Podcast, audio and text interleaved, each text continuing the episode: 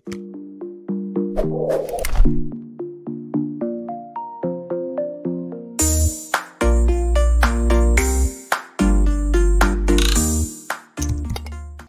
ini didukung oleh Pacific Satellite Nusantara, first private satellite company in Indonesia.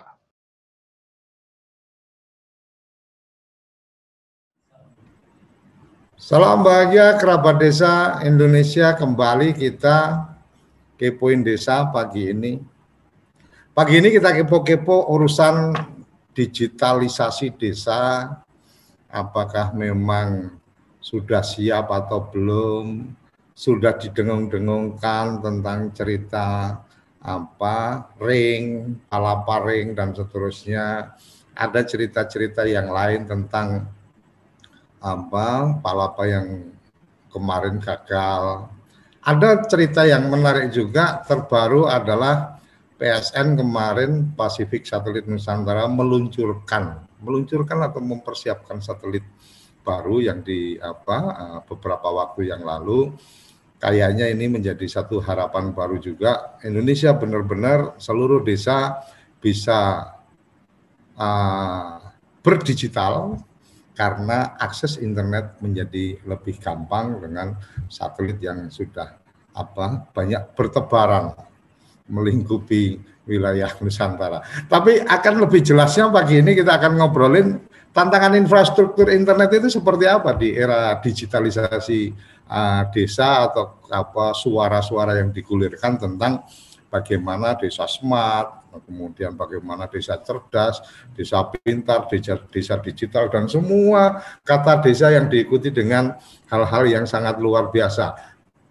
Pagi ini kedatangan tamu kawan lama Mas Yudi apa kabar? Selamat pagi.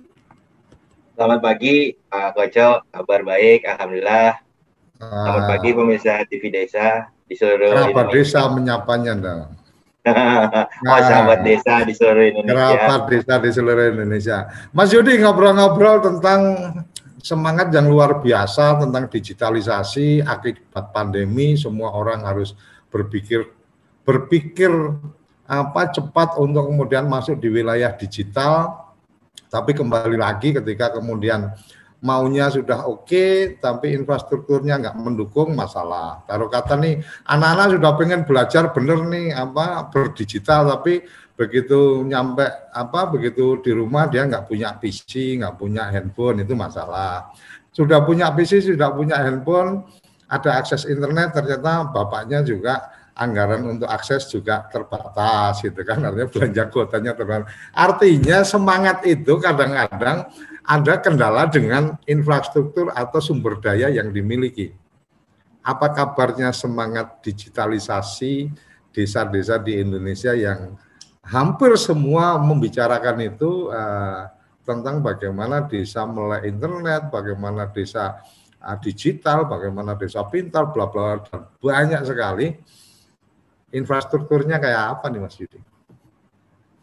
Uh, infrastrukturnya ya Intinya ya mungkin sekarang semua pihak uh, sedang mencoba memfasilitasi agar uh, seluruh masyarakat di Indonesia termasuk para kerabat desa bisa memiliki akses yang cukup baik untuk terutama untuk jaringan ya karena ini bisa uh, mengembangkan uh, seluruh aspek kehidupan. Karena kita ketahui bersama sekarang isu digitalisasi ini uh, saya pun kalau jalan-jalan ke mana-mana ketika nggak pegang handphone itu rasanya kok uh, ada separuh hati yang tertinggal Pak Koco. itu mungkin kurang lebih. Nanti mungkin kita akan bahas lebih lanjut mengenai infrastruktur desa itu seperti apa, terutama untuk internet dan kaitannya dengan digitalisasi, digitalisasi desa Pak Koco. Oke, uh, semangatnya kan sudah luar biasa nih, apalagi hmm. dipaksa oleh pandemi kan gitu dipaksa oh, iya. nggak boleh banyak jalan-jalan keluar gitu. Bahkan terakhir ini juga dipaksa pakai masker pun juga nggak boleh masker yang kayak saya punya gini gitu kan. Harus yang dengan standar-standar tertentu. Dan akhirnya orang berpikir oke okay lah dari rumah tapi kita tetap bisa beraktivitas tetap bisa melakukan uh, bisnis dan seterusnya. Uh, kembali ke desa karena kita di kepoin desa kita ingin tahu tak, tentang desa Mungkin Mas Yudi, eh, PSN sebagai salah mungkin salah satu atau yang pertama atau satu-satunya perusahaan satelit Indonesia gitu kan. Ini uh, apakah juga mempersiapkan untuk mendukung percepatan apa uh, berdigital dari masyarakat desa karena kalau masyarakat perkotaan pastilah semua semua berbondong-bondong di lokasi yang memang segmen pasarnya, daya belinya oke dan seterusnya. Desa kadang mungkin jadi tidak dilirik karena daya belinya, kemampuan bayarnya dan seterusnya. Pengen tahu nih, ada komitmen PSN untuk Republik ini apa enggak? Silakan Pak Yudi. ya, uh, Pak Koco, mungkin uh, kami dari Pacific Satellite Nusantara tentunya sangat concern dengan hal ini, uh, apalagi kami memang perusahaan uh, swasta nasional yang mungkin satu-satunya saat ini bergerak dan melayani masyarakat Indonesia dari sisi layanan infrastruktur uh, khususnya satelit ya. Nah itu juga um, menjadi concern kami tentunya dan kami juga kemarin sudah ditunjuk oleh pemerintah menjadi rekanan untuk membangun fasilitas satelit multifungsi satrianya uh, pemerintah yang nanti akan di uh, dioperasionalkan untuk mendukung bakti. Oh, jadi hmm. intinya sih mungkin karena Indonesia juga negara kepulauan uh, yang dari sisi infrastruktur mungkin belum merata di seluruh Indonesia.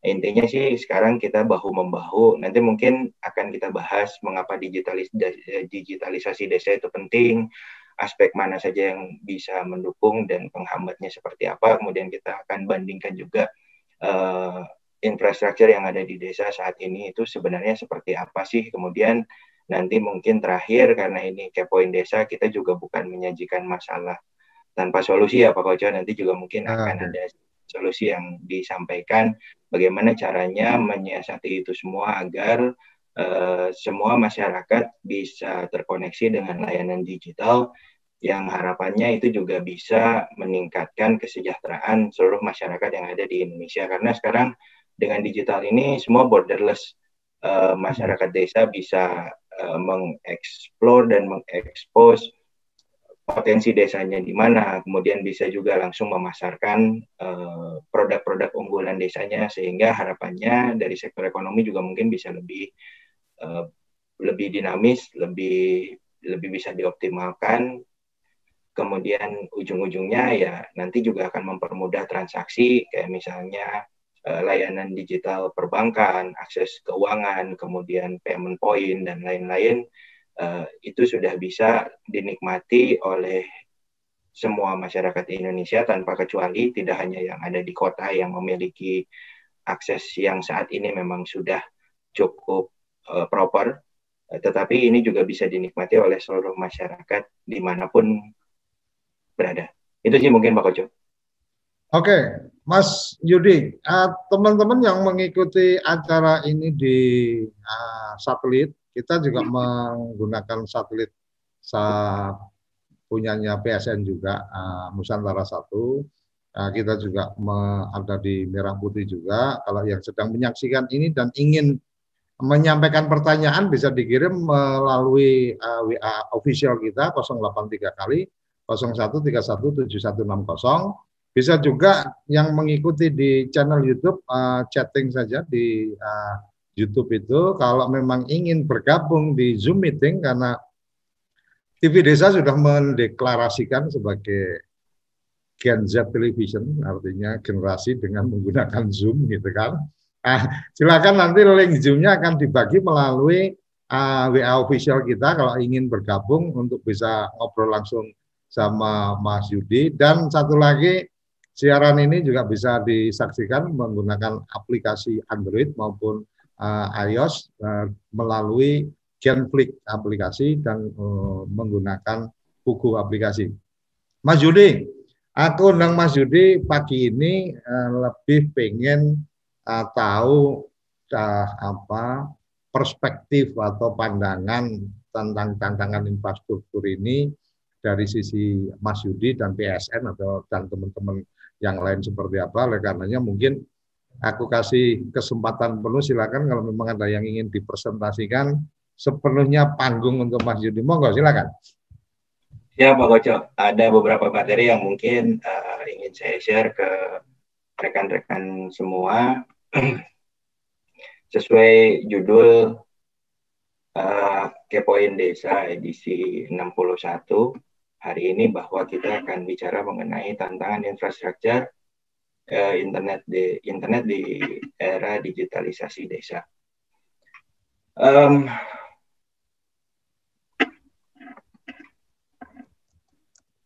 Nah, uh, untuk mengawali ini semua mungkin yang pertama adalah mengenai digitalisasi desa itu sendiri uh, ada beberapa landasan hukum dan referensi yang saya baca. Di antaranya yang pertama adalah Undang-Undang Nomor 6 Tahun 2014 ini tentang desa. Uh, yang salah satunya di situ adalah memberikan amanah bagi desa uh, di Nusantara agar mampu menerapkan teknologi informasi dalam pembangunan desa. Kemudian juga di sini ada uh, Permendes PDTT nomor 11 tahun 2019 tentang prioritas pembangunan dana desa tahun 2020 di mana salah satu pasalnya menyangkut penyediaan sarana dan prasarana dalam kegiatan pelayanan sosial dasar untuk pemenuhan kebutuhan informasi dan komunikasi. Itu ter, uh, terdapat di pasal 8 ayat 1 huruf A. Jadi ini mungkin landasan uh, mengapa digitalisasi desa itu perlu segera dijalankan. Kemudian um, manfaat digitalisasi desa ini sendiri ada beberapa aspek uh, yang saya rangkum ini ada kurang lebih ada sekitar empat aspek. Uh, di antaranya adalah mengenai masalah kependudukan, kemudian uh, kependudukan ini nantinya database warga, uh, uh, database warga desa, sarana informasi dan masukan dari warga uh, itu juga bisa diakses dengan mudah. Kemudian dari sisi datanya sendiri itu di, uh, lebih terjamin akurasinya serta up to date. Kemudian dari sisi pelayanan publik, eh, manfaat digitalisasi desa ini juga bisa membuat pelayanan administrasi menjadi lebih cepat dan dapat diakses secara online. Eh, bahkan 24 jam dalam sehari dan tujuh hari dalam seminggu. Dari sisi eh, pelayanan publik untuk pendidikan, tentunya seperti kita ketahui bersama, bahwa sekarang akses internet menyediakan informasi-informasi yang sangat beragam dan up to date Uh, tentunya masyarakat desa ketika sudah uh, menjadi desa digital ataupun akses uh, menuju layanan internet ini sudah lebih terbuka, ini tentunya akan lebih mempermudah mendapatkan semua informasi tersebut uh, dan juga mungkin di tengah pandemi ini di mana pendidikan sekarang banyak uh, melalui PJJ atau daring, uh, ini tentunya memerlukan juga akses infrastruktur yang cukup baik dan bisa dinikmati oleh seluruh masyarakat di seluruh Indonesia. Kemudian manfaat lain dari digitalisasi desa adalah perencanaan pembangunan dan penggunaan anggaran. Uh, di sini mungkin dengan sistem yang terintegrasi tentunya laporan terhadap pembangunan dan penggunaan anggaran uh, bisa menjadi lebih akurat dan transparan.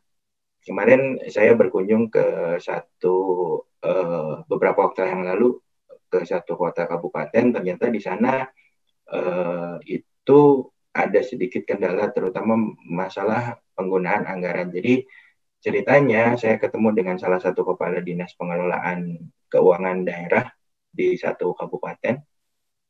E, ternyata ketika dia e, pemimpin daerah, bupati atau wali kota memerlukan informasi mengenai penggunaan anggaran, itu karena mayoritas masih dilakukan secara manual. Informasinya itu kalau sekarang misalnya uh, taruhlah saat ini tanggal 17 September. Uh, ternyata informasi yang diminta misalnya berapa posisi keuangan di pada tanggal 17 September 2020. Laporan itu baru akan disajikan pada 17 Oktober 2020. Jadi satu bulan kemudian laporan keuangannya baru bisa disajikan.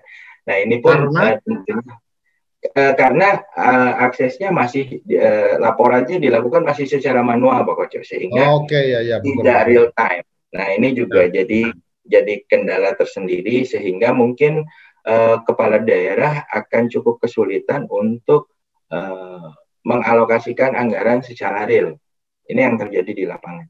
Jadi uh, digitalisasi desa, walaupun memang uh, saya juga di, berdiskusi banyak dengan dengan uh, kepala dinas tersebut, memang tidak semuanya dilakukan bisa dilakukan secara online, tapi mungkin 70 atau 80 persennya bisa dilakukan secara online. Karena ada hmm. transaksi-transaksi kecil seperti misalnya penerimaan PBB, mungkin tidak uh, atau retribusi yang kecil-kecil itu juga mungkin tidak bisa langsung diinput uh, di digitalisasi pasti perlu waktu untuk untuk pengumpulannya um, sehingga uh, mungkin untuk cashless ini mereka kemarin kemudian menerapkan solusi cashless uh, itu ternyata bisa mengcover 80% kurang lebih Eh, realisasi anggaran yang bisa di capture uh, online dan up to date saat itu juga. Uh, ini juga setahu saya uh, menjadi salah satu pilot project dan percontohan untuk kota kabupaten lainnya di Indonesia. Kemudian manfaat lain dari digitalisasi desa yang uh, saya coba telaah dan pelajari yaitu uh, salah satunya uh, adalah perekonomian dan akses transaksi desa di mana akses internet ini bisa menjadi sarana memasarkan produk desa melalui e-commerce ya, yang mudah diakses melalui dunia maya dan pada akhirnya akan meningkatkan pendapatan masyarakat desa. Kita juga uh, tahu bahwa desa itu memiliki banyak sekali potensi yang salah satunya sekarang yang sedang marak diekspos adalah pariwisata. Itu juga akan lebih mudah diinformasikan atau diviralkan uh, di dunia maya dan sudah banyak sekali success story dari situ. Kemudian selain itu di sektor perekonomian juga uh, bisa membuka akses ke masyarakat mengenai PPOB, eh, jadi beli beli dan transaksi pembayaran pulsa listrik, telepon, internet dan lain-lain juga lebih mudah. Kemudian layanan e-banking dan akses akses transaksi pembayaran lainnya seperti misalnya uh, kris itu juga tentunya memerlukan akses internet untuk uh, mengaksesnya. Kemudian uh, ini ada beberapa faktor uh, pendukung digitalisasi desa. Yang pertama adalah masalah infrastruktur. Masalah infrastruktur ini uh, tentunya uh, terdiri dari akses jaringan ke desa-desa. Di sini ada akses listrik, fiber optik, radio, dan juga mungkin satelit. Kemudian faktor lain yang bisa mendukung digitalisasi desa adalah faktor kesediaan uh, perangkat uh, seperti server, ya, kemudian PC, uh, gawai, dan juga perangkat-perangkat pendukung lainnya. Kemudian faktor lain yang menjadi pendukung digitalisasi desa adalah uh, faktor sumber daya manusia. Di sini desa juga memerlukan SDM yang memiliki Eh, memiliki kompetensi dan ahli di bidang IT. Kemudian ada faktor-faktor lainnya seperti misalnya budaya, karena ada beberapa desa setahu saya yang memang uh, bahkan akses listrik pun itu ada ada yang beberapa desa yang secara adat tabu ya, menggunakan akses listrik. Ini pun menjadi uh, kendala lain. Tapi di sisi lain ya ini masalah uh, apa ya yang tidak bisa kita bicara kemanusiaan uh, harus pemerataan akses dan lain-lain tapi dari sisi culture atau budaya mereka memang menutup terhadap uh, perkembangan yang seperti ini ini juga menjadi faktor lain yang mungkin tidak bisa kita hindarkan. Nah untuk di Indonesia sendiri sekarang uh, kita ada proyek Palaparing yang diinisiasi oleh Bakti di bawah uh, Kominfo ya. Di sini uh, diinformasikan bahwa di Palaparing ini semuanya sudah terbangun baik Palaparing Barat, Tengah dan Timur.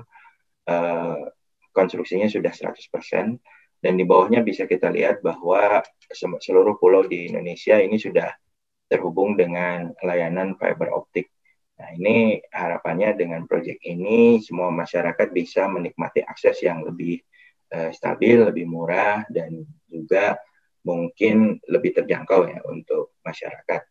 Nah, tetapi memang di sisi lain kondisi kepulauan di Indonesia itu menyulitkan dan Indonesia ini uh, masuk ke daerah gunung api sehingga cukup berbukit-bukit dan banyak sekali pegunungan sehingga untuk fiber optik ini mungkin baru bisa masuk ke daerah uh, ibu kota provinsi atau kota-kota besar. Nah, untuk hmm. masyarakat di pedalaman ini relatif masih cukup kesulitan untuk mendapatkan akses uh, terkait dengan kontur dan lain-lain. Dan kemudian untuk implementasi fiber optik ini juga tentunya memerlukan investasi dan biaya yang tidak sedikit. Uh, nah, uh, faktanya kemarin uh, itu ada publish data bahwa ada 12.548 desa di Indonesia yang tidak memiliki akses internet.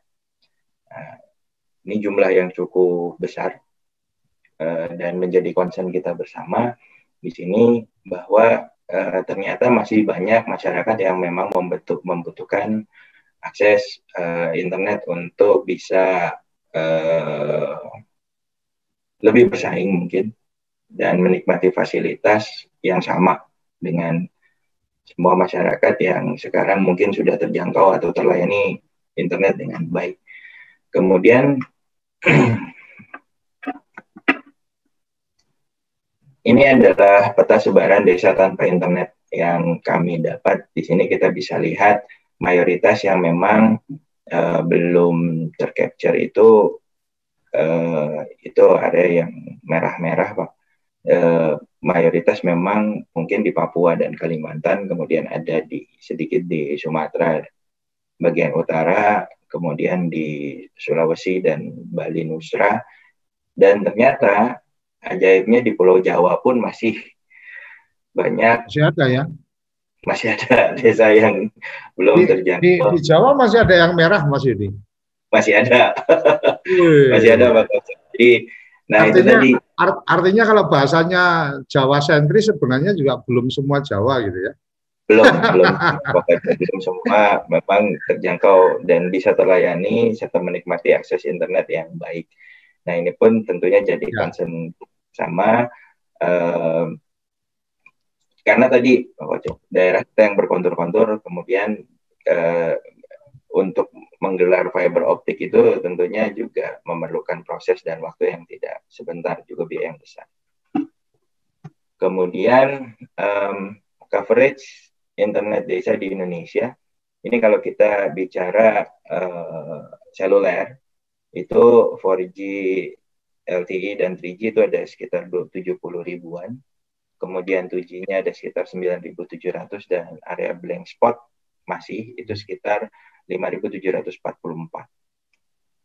Nah, ini juga data lain yang juga mungkin uh, harus kita perhatikan bersama bagaimana mencari solusi untuk uh, semua masalah-masalah ini.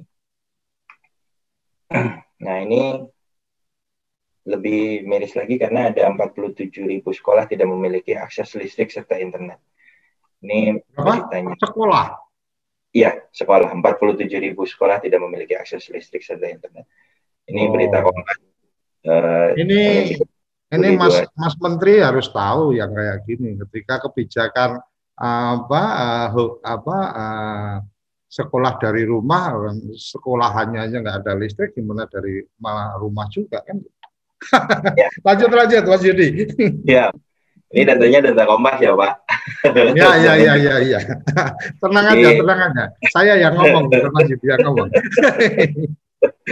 Jadi saya coba riset uh, kendalanya apa aja sih sebetulnya. Nah itulah hmm. sekilas fakta-fakta yang yang kami temukan uh, di lapangan mengenai akses internet. Uh, nah ini dari uh, Men Gus Menteri kemarin Selasa 4 Agustus 2020 itu bahwa uh, menyatakan bahwa dana desa juga bisa uh, digunakan untuk penyediaan internet gratis. Nah, uh, saya ingin bicara studi kasus dulu mengenai tadi kita memiliki banyak kendala, terutama dari sisi uh, kontur dan kondisi geografi Indonesia yang terdiri dari kepulauan bahwa di sini biasanya yang umum itu uh, layanan atau infrastruktur jaringan yang uh, biasa dilakukan saat ini itu ada ada tiga metode. Yang pertama itu uh, seperti yang tampil di layar itu yang poin satu ya. Kita bicara hmm. mengenai uh, fiber optik. Nah ini misalnya ada sebuah institusi atau hmm. kantor ingin connect atau ingin terhubung dengan uh, satu sisi lainnya. Taruhlah misalnya studi kasus ini agar mudah mungkin saya ibaratkan bank yang ingin membangun ATM. Nah, okay.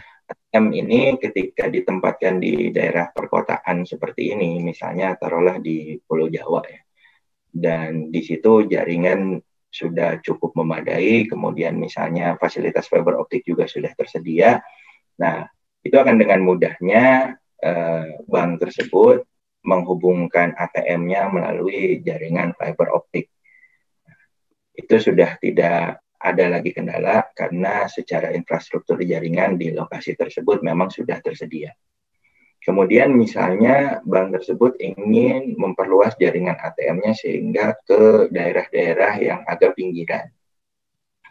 Yang agak pinggiran yang tidak terjangkau dengan jaringan fiber optik. Misalnya ada kawasan baru yang dibuka seperti misalnya di daerah uh, Lido, Sukabumi atau ada pengembangan kawasan lain yang memang uh, sedang uh, dibuka dan layanan infrastrukturnya memang di situ belum begitu memadai, biasanya itu difasilitasi dengan menggunakan radio. Radio ini ada dua tipe, ada yang coverage base. Coverage base itu seperti halnya uh, seluler, kemudian layanan TV terestrial yang bisa tertangkap oleh antena. Nah, karakteristiknya adalah uh, radio coverage base ini biasanya dari titik poin pemancar itu radius tertentu bisa menerima dan menangkap layanan atau uh, frekuensi sehingga bisa berkomunikasi satu dengan yang lainnya. Mungkin uh, salah satu radio yang biasa digunakan adalah radio point to point. Jadi selain coverage base itu juga ada radio point to point. Radio point to memerlukan akses jaringan dekat nantinya jadi tinggal uh, dari akses jaringan terdekat kita memasang radio kemudian ditujukan ke lokasi yang ingin dituju dan ditangkap di situ sehingga nantinya bisa berkomunikasi dua arah. Nah ini simulasinya di poin dua mungkin uh, ini dari satu tower ke tower yang lain nah, dia bisa berkomunikasi di situ. Tetapi tadi syaratnya adalah memiliki jaringan uh, terdekat yang bisa diakses. Jadi nanti jaringan itu dimasukkan ke dalam radio dengan hmm. teknologi hmm. radio sehingga nanti bisa diskusi bisa ngobrol satu sama lain antara satu perangkat dengan perangkat yang lain. Oh art nah, artinya artinya tower dengan tower ini di sisi yang sini menggunakan fiber umamanya kemudian naik ke tower nembak ya. ke tower sebelah sana untuk kemudian di sana dilanjutkan lagi pakai apa kabel gitu ya. Betul, betul. Nah, ini bisa menghemat kalau tadi uh, fiber optik kan banyak sekali galian di pinggir jalan. Untuk memasang fiber optik ya prosesnya seperti itu. Fiber optik pun ada yang ditanam di dalam tanah, ada juga yang lewat kabel udara yang ditempel di tiang-tiang listrik atau tiang-tiang telepon. Itu hmm. biasa memang dilakukan, tapi memerlukan aktivitas fisik yang lumayan banyak dan perizinan yang juga tidak mudah uh, serta proses penanaman juga yang tidak sebentar. Nah, ketika jaringan fiber optik tidak tersedia, memang biasanya radio ini menjadi alternatif. Ketika misalnya radio point to point ini digunakan dengan jarak udara sekitar 7 sampai 10 km, itu artinya sepanjang 7 atau 10 km kita tidak lagi perlu menanamkan kabel. Sehingga hmm. implementasinya lebih mudah. Tetapi yang jadi kendala di radio ini adalah misalnya tiba-tiba di tengah ada pohon yang kemudian tumbuh lebih tinggi atau tiba-tiba ada bangunan baru sehingga akses radionya nanti terhalang. Ini hmm. bisa ter bisa terputus dan uh, intinya sih dari lebih ke uh, stab kestabilan fiber optik memang jauh lebih stabil. Tetapi kendalanya adalah tadi di pemasangan dan uh, misalnya karena fiber optik ini sangat rentan Pak Koco sehingga ya. kalau terjadi FO cut putus itu kita harus uh, cari dulu titik putusnya di mana dan itu tidak mudah biasanya juga memerlukan waktu yang pastinya lebih dari satu atau dua jam karena diper, uh, diperlukan proses penyambungan dan lain-lain.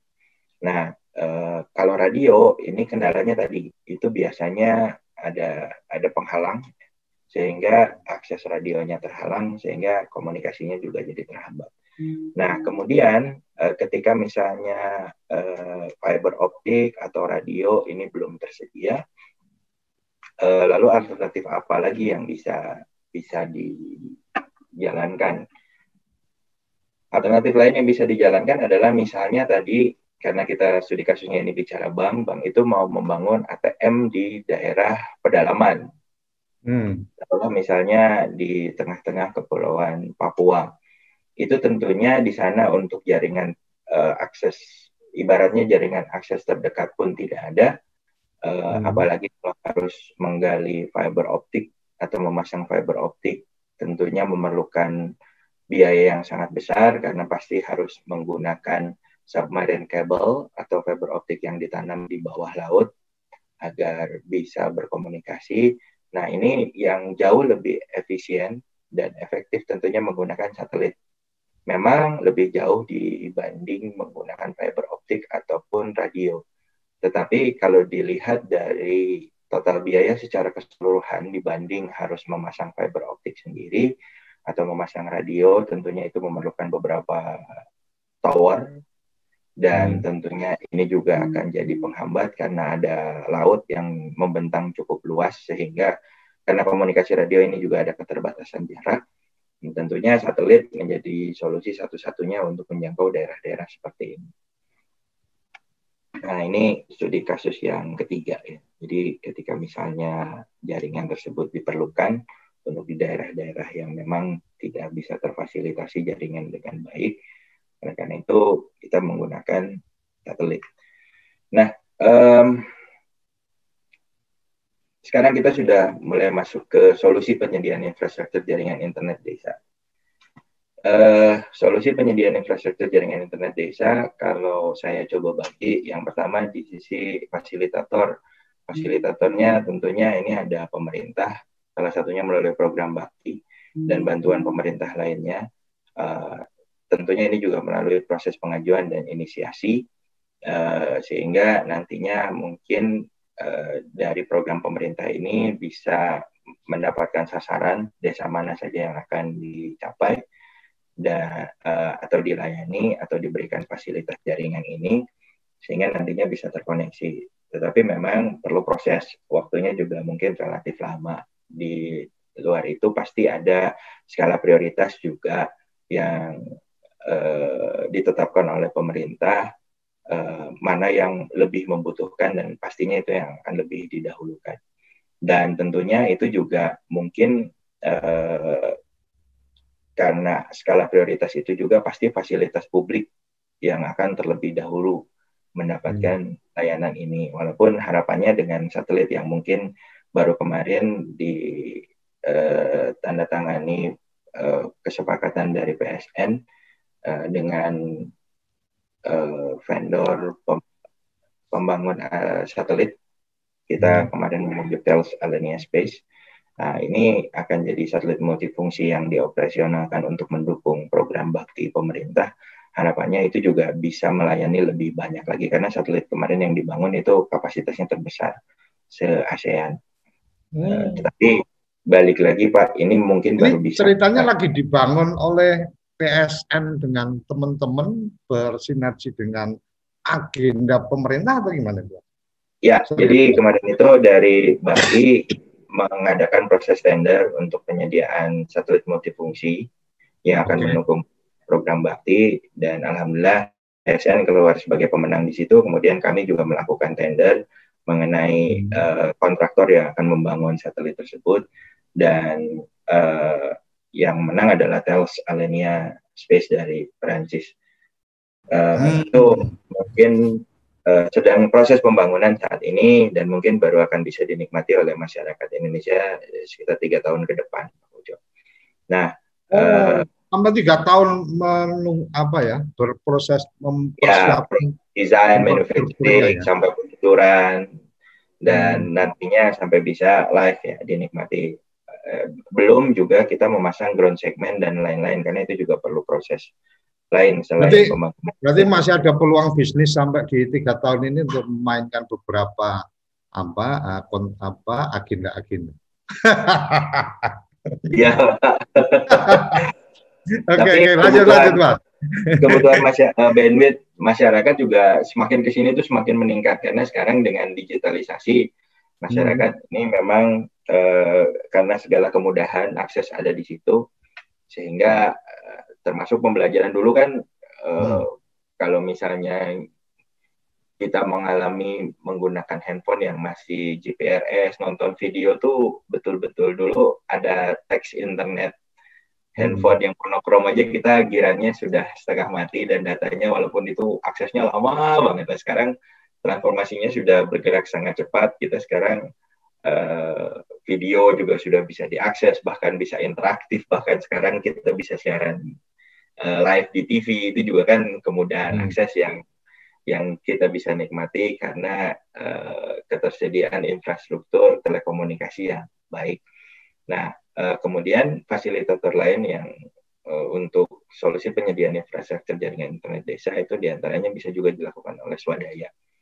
Seperti yang tadi disampaikan oleh Gus Menteri mungkin bahwa dapat dilakukan secara mandiri oleh desa ataupun pihak-pihak lain yang berkepentingan terhadap desa. Kemudian ini juga tentunya menggunakan kendaraan yang mandiri. Ini tentunya implementasinya akan jauh lebih cepat dibanding uh, difasilitasi oleh pemerintah karena di pemerintah pasti ada proses ada proses terlebih dahulu. Hmm. Uh, kemudian dari sisi jenis infrastrukturnya infrastrukturnya sendiri itu seperti tadi dibahas itu ada fiber optik, ada radio dan satelit. Nah karena saya dari uh, Pacific Satelit Nusantara dan kami memang fokus di bidang satelit, um, tentunya kami akan membahas lebih jauh mengenai satelit karena fiber optik dan radio mungkin sudah umum dan sudah ya. bisa dinikmati oleh uh, banyak masyarakat di Indonesia. Uh, tadi mungkin kekurangannya fiber optik itu investasinya tinggi dan memerlukan waktu dalam proses implementasi. Uh, ya tidak sebentar karena harus pasang kabel uh, puluhan atau mungkin ratusan kilometer uh, sehingga perlu banyak pengerjaan infrastrukturnya dari sisi fiber fiber optik. Kemudian untuk radio sendiri itu memerlukan dukungan dari jaringan uh, lokasi terdekat sehingga bisa dipasarkan lewat radio. Ini sendiri memerlukan biaya yang lebih tinggi. Ini hmm. oleh radio. Karena frekuensi frekuensi itu terbatas ya. Jadi uh, kita juga memang harus bisa menggunakan itu dan juga uh, konstruksi dan pembangunan itu memerlukan biaya cukup mahal. Suara sayup-sayup, Mas Yudi? Ya. Uh, Suaranya kok agak sayup-sayup putus-putus.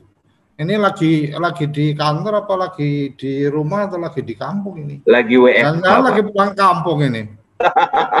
Enggak apa lagi WFH. Oke lanjut Jadi, lanjut. Um, satelit ini memang memerlukan biaya yang lebih tinggi dibanding akses melalui radio atau fiber optik, tetapi kelebihannya memang coveragenya itu sangat-sangat luas dan bisa menjangkau seluruh Indonesia, hmm. termasuk mungkin daerah-daerah um, yang tadi sulit dijangkau oleh radio dan fiber optik dan data faktanya tadi juga meskipun itu di daerah di, di Pulau Jawa itu masih juga terdapat area-area yang blind spot. Nah, satelit ini sendiri ada dua tipe layanan. Kalau kita bicara internet, ada yang dedicated, ada juga yang broadband. Nah, dedicated ini tentunya harganya lebih premium dan dari service level agreement ini juga jauh lebih terjamin karena tidak digunakan secara sharing dengan orang lain. Jadi aksesnya memang Oh, artinya artinya ibarat kata kita membayangkan saluran air ya kan distribusinya hmm. itu kalau dedicated umpama satu satu in itu hanya untuk buat kita tapi kalau kita apa sharing berarti satu in itu ada pecah cabang banyak banget. Jadi ketika yang lain pada buka, kita yang paling ujung bisa nggak dapat air gitu ya. Ya, kalau dedicated itu kita bangun bangun pipa sendiri, Pak. kita bangun okay, pipa okay. sendiri. Uh, harganya tapi memang jauh lebih uh, premium ya, jauh lebih premium untuk akses. Tapi punya keterjaminan untuk ya, kemudian ya, mendapatkan kelancaran akses kan gitu. Betul. Dan ini biasanya juga yang pakai uh, aksesnya tidak besar-besar, Pak. Uh, hmm. Kisar hmm, uh, ya mungkin satu Mbps-an lah kurang lebih bahkan ada yang masih di 128 kbps.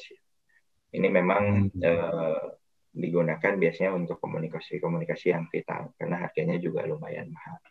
Nah, saat ini eh, kita juga ada layanan broadband. Saya sengaja menyederhanakan tidak menggunakan istilah-istilah teknis dalam dunia telekomunikasi termasuk di satelit karena ini turunannya sebenarnya banyak sekali tapi untuk lebih mempermudah informasi disampaikan ke masyarakat, makanya saya sederhanakan istilahnya.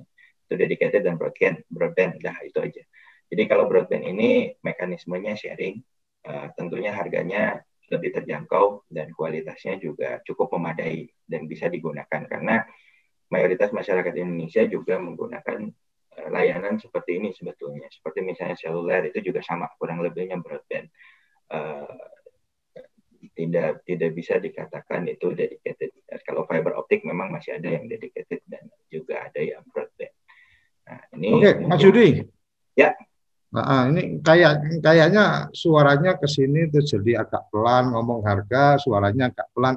Kayaknya perlu ngopi dulu nih. Jadi uh, kerabat desa ya, jangan ke mana-mana. Ini sudah bergabung juga di Zoom meeting kita ada Mas Yandi dari Bekasi kalau nggak salah tadi di channel YouTube kita juga uh, ada Mas Dwika, ada Mas Thomas, ada uh, Mbak Elin. Selamat pagi dari Lampung uh, yang kemarin bergabung di tamu kita. Kemudian ada beberapa Mas Heri, ada Mas Pras dan yang lain. Uh, kita akan jeda sesaat lagi biar Mas Yudi juga menyeduh kopinya jadi suaranya tetap kenceng walaupun ngomongin harga nggak usah nggak usah sungkan-sungkan karena memang fasilitas kalau lebih baik atau kemudian memberikan layanan lebih baik pasti juga harus apa diapresiasi dengan lebih mahal kan gitu. Ibarat katanya kan itu oke jangan ke mana-mana uh, tetap di Kepoin Desa. Kita akan kembali setelah yang satu itu kamu tinggal di pulau terpencil pegunungan pinggiran kota atau daerah di Indonesia yang tidak terjangkau jaringan fiber ADSL, dan juga 3G. Internetan dengan cepat pasti cuma akan menjadi mimpi.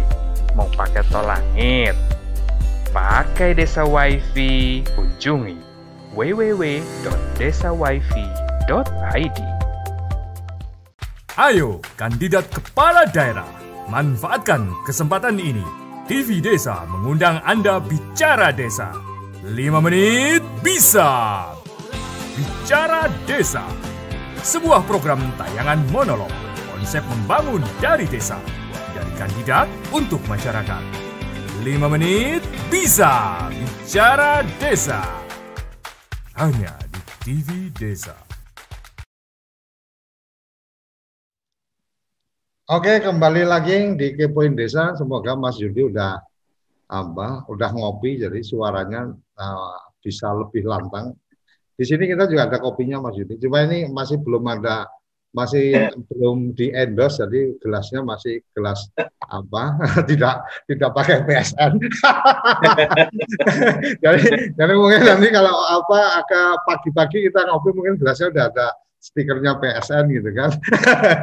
Ada Mas Yandi yang tadi sudah minta link untuk apa bergabung di Zoom meeting. Uh, silakan kalau Mas Yandi ingin menyampaikan sesuatu di uh, apa open videonya nanti kita open apa mic-nya dari sini karena memang uh, kita mengundang teman-teman juga untuk bisa bergabung di Zoom meeting tapi kita tidak ama tidak blast uh, link Zoom meetingnya kita hanya menyampaikan kalau yang ingin dapat mesti menghubungi kita dulu supaya kami punya data teman-teman yang kemudian tertarik dan uh, ikut bergabung di uh, forum obrolan kita ini.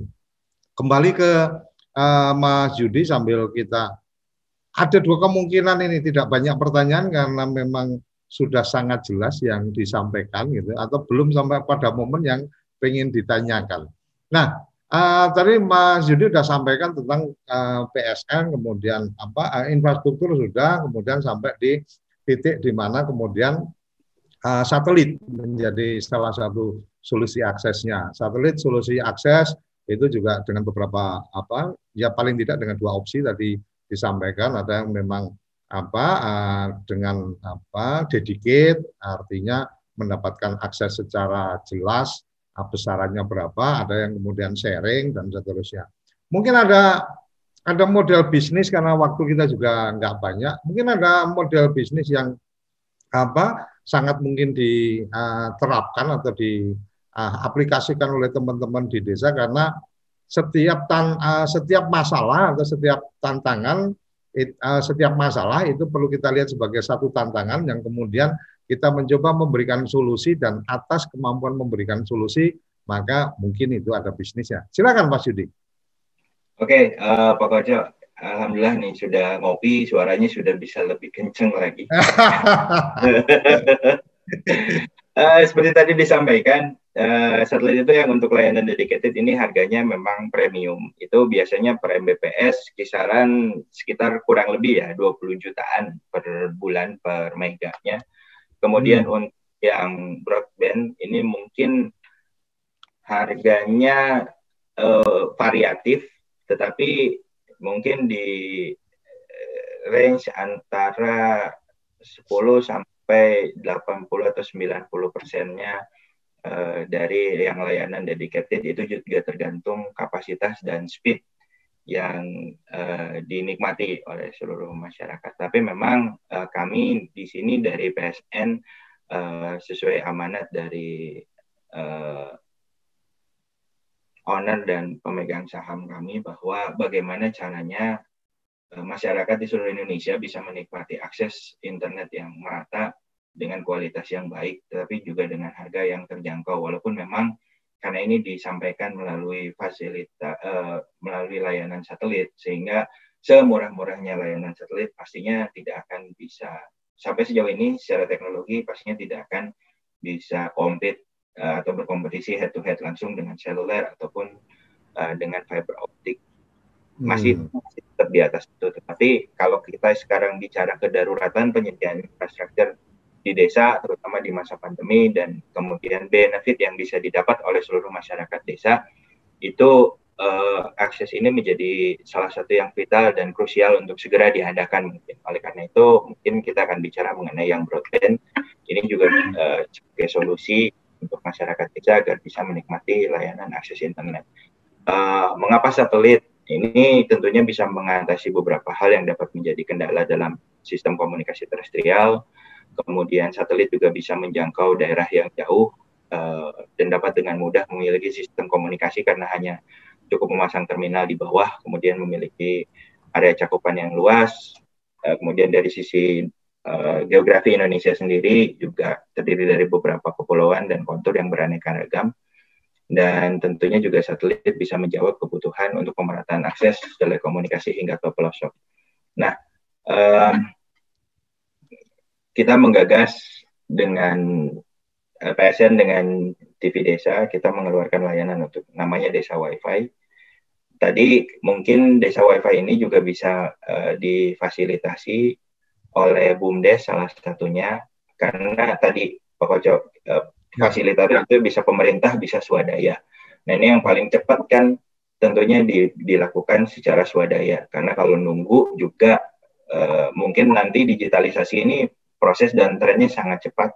Sehingga jangankan hitungan tahun mungkin dalam hitungan bulan pun transformasinya sangat-sangat dinamis dan arus informasinya juga bergulir sangat cepat. Sehingga mungkin ini juga perlu disegerakan oleh karena itu alternatifnya mungkin bisa melalui BUMDes yang jelas itu uh, bisa menjadi uh, apa ya alternatif usaha dari badan usaha milik desa di, di lain sisi manfaatnya juga untuk masyarakat desa juga bisa mendapatkan akses internet yang uh, kualitasnya baik dan terjaga, kemudian bisa diakses di mana saja meskipun kondisi daerahnya cukup sulit terjangkau. oleh layanan radio dan layanan fiber optik. Nah, uh, untuk BUMDes sendiri konfigurasinya mungkin kurang lebih seperti ini. Jadi internetnya nanti disimpan di hubnya kami di PSN untuk layanan desa WiFi ini. Kemudian uh, layanan internet itu di dipancarkan melalui satelit dan akhirnya diterima oleh terminal di kantor desa atau BUMDes dan kemudian disalurkan melalui uh, akses point atau router Omni ya. Ini coveragenya radius 5 sampai 100 meter dari antena tersebut dan nanti masyarakat cukup misal uh, cukup menggunakan akses melalui WiFi sudah bisa terhubung dengan uh, layanan internet melalui desa WiFi. Nah, kemudian uh, fiturnya sendiri itu tidak ada biaya bulanan, sehingga ini betul-betul murni biaya pemakaian saja kemudian sistem billingnya terintegrasi kemudian ada top up saldo dan cetak voucher kemudian da, untuk bumdexnya sendiri ini nanti tentunya ada keuntungan dari penjualan voucher. Mungkin karena bumdexnya sendiri kan judulnya juga badan usaha milik desa sehingga harus menghasilkan profit dan juga mungkin bumdesnya juga perlu dana operasional untuk operator, untuk penyediaan listrik, untuk penyediaan uh, ya bangunan atau hal pendukung lainnya lah. Mungkin juga BUMDesnya bisa membuka kafe sehingga dari BUMDes atau lokasi kantor desa ini menjadi pusat uh, apa informasi masyarakat desa untuk tukar menukar informasi dan mengupdate informasi serta apa pun yang kaitannya dengan uh, akses ke internet. Kemudian speednya juga tadi kalau dibilang bahwa yang dedicated itu kurang lebih ya, coba karena tergantung lokasi dan perangkat yang digunakan itu sekitar eh, uh, 20 jutaan per Mbps per bulan. Ini speednya hmm. bisa sampai 5 Mbps, berarti kurang lebih kalau dikali 5 sudah berapa? Nah broadband ini paling jatuh-jatuhnya hanya 10% dari total layanan yang di yang dibandingkan total layanan yang dinikmati melalui akses yang dedicated. Jadi kami memang uh, sudah mencoba merancang sedemikian rupa sehingga layanan akses internet ini bisa tetap terjangkau walaupun sekali lagi karena ini lewat satelit harganya pasti tidak akan bisa terjangkau layanan lewat uh, akses lainnya. Hmm. Kemudian uh, konsep usaha untuk BUMDes tentunya nanti BUMDes bisa memberikan akses internet untuk warga. Kemudian warga yang ingin menggunakan akses tersebut akses internet membeli voucher ke BUMDes. Nanti eh, BUMDes akan dapat bagi hasil dari situ. Uh, BUMDes akan mendapatkan keuntungan dari penjualan voucher internet yang digunakan oleh masyarakat. Harga vouchernya juga kita sudah set uh, variatif. Harga termurahnya itu di Rp5.000 masyarakat sudah bisa akses ke internet. Tetapi memang uh, digunakannya harus sebijak mungkin karena memang ada keterbatasan kuota dari setiap hmm. voucher yang dibeli oleh masyarakat. Nah, perangkat desa WiFi ini ada tiga perangkat yang nanti bisa di uh, dioperasionalkan oleh teman-teman di BUMDes. Yang pertama ada antena, kemudian ada modem, dan ada WiFi router yang tadi jangkauannya kurang lebih sekitar 50 sampai 100 meter dari lokasi dan bisa diakses 15 sampai 30 orang secara bersamaan. Uh, untuk informasi lebih lanjut karena keterbatasan waktu mungkin rekan-rekan uh, kerabat desa bisa mengakses di www.desawifi.id. Nanti di sana ada kolom untuk registrasi atau jika memerlukan informasi lebih lanjut tinggal disimpan saja kontak poinnya nanti di sana seperti uh, di sana nanti akan ada tim dari desa wifi yang langsung menghubungi ke kerabat desa sekalian untuk berdiskusi lebih lanjut mengenai layanan ini. Jadi mungkin uh, kurang lebihnya mengenai tantangan infrastruktur desa Pak Kucop itu mungkin yang bisa uh, saya sharing di pagi hari ini. Mudah-mudahan bisa menjawab uh, sesuai dengan topik yang sudah kita sepakati bersama. Itu mungkin Pak Kucop. Okay. Terima kasih luar biasa. Jadi di era yang kemudian ada apa hambatan ketika mungkin oh di tempat saya akses apa selulernya nggak bagus cuma dapat satu dua bar jadi kalau apa akses internet pasti hanya cuma muter-muter nggak jelas kan gitu. ah, desa wifi apa PSN kemudian memberikan solusi dengan konsep desa wifi di mana di situ juga ada agenda untuk bisa menjadikan unit bisnis dari badan usaha milik desa. Ini ini menarik ya. sekali. Jadi salah satunya mungkin ketika apa uh, badan usaha milik desa sudah punya bisnis, uh, hmm. kemudian ternyata di situ juga ada kesulitan akses dan seterusnya, maka uh, desa wifi bisa menjadi tambahan bisnis di tempat yang sama karena secara space saya pikir kan tidak butuh tempat yang luas dan seterusnya. Artinya ya. kalau kita buka warung pun apa buka toko atau mungkin apa kantor bumdes itu kan juga apa bisa langsung jadi tempat pelayanan juga ya Mas ya. Betul.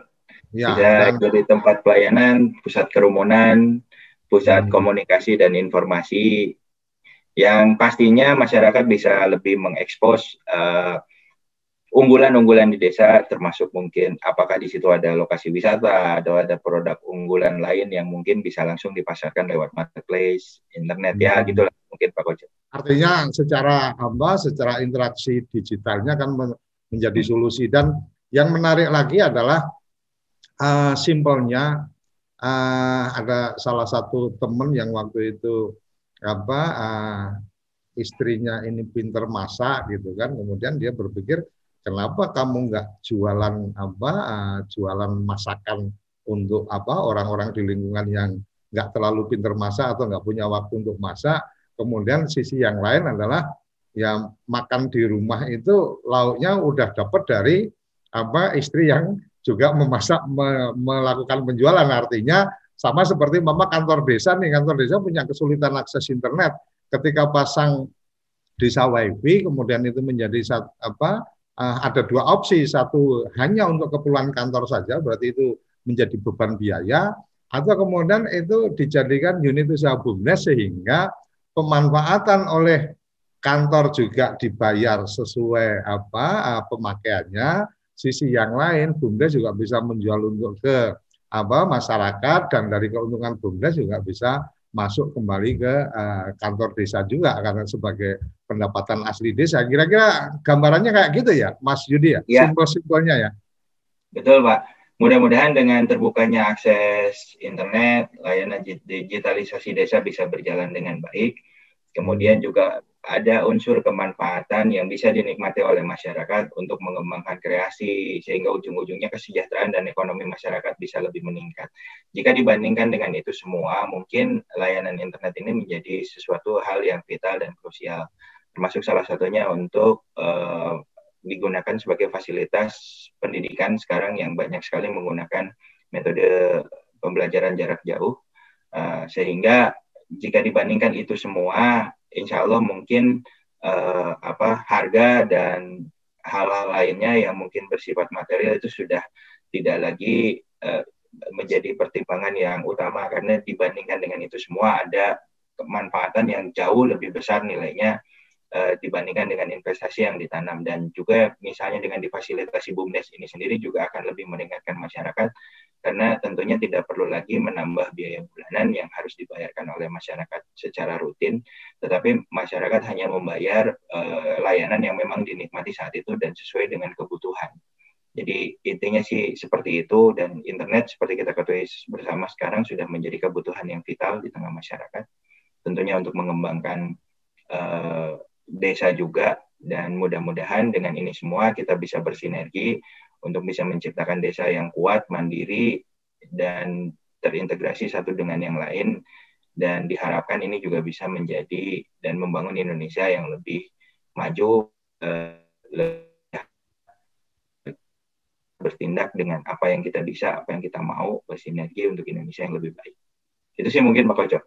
Oke, luar biasa. Jadi uh, kayaknya ini memang sudah terbiasa untuk presentasi Mas Yudi ini uh, terbiasa untuk jadi narasumber. Jadi uh, kita pas banget pukul 9 sudah habis. Jadi karena tadi yang disampaikan tentang bagaimana untuk bangsa dan seterusnya saya pikir tadi sudah jadi closing statementnya Mas Yudi. Waktu kita juga sudah habis. Jadi saya nggak kasih waktu closing statement karena satu waktu sudah habis.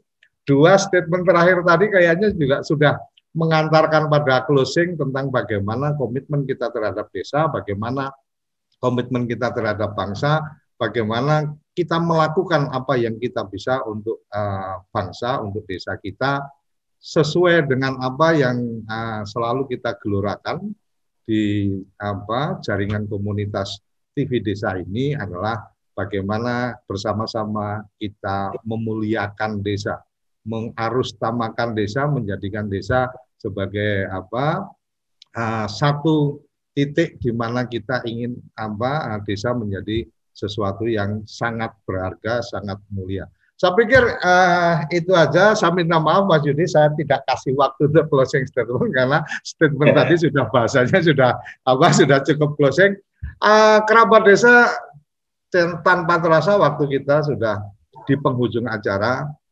Kita ingin apa? Kita ingin menghadirkan tamu-tamu luar biasa di forum pagi kita. Jadi uh, semangat pagi kita uh, mulai du, uh, mulai dua minggu terakhir ini kalau tidak salah kita mulainya pagi. Jadi memang ini semoga menjadi siraman rohani memuliakan desa di tiap pagi kita.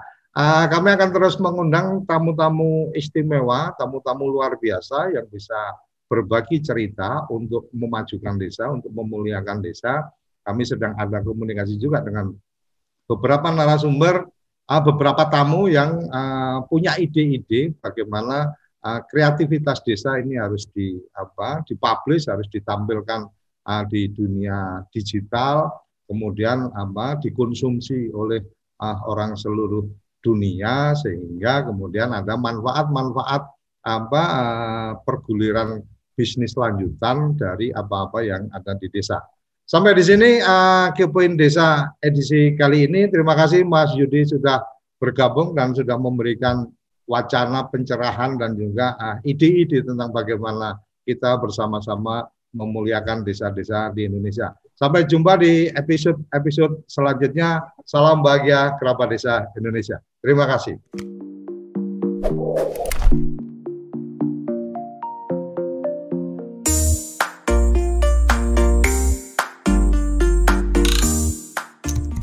Acara ini didukung oleh Pacific Satelit Nusantara first private satellite company in Indonesia.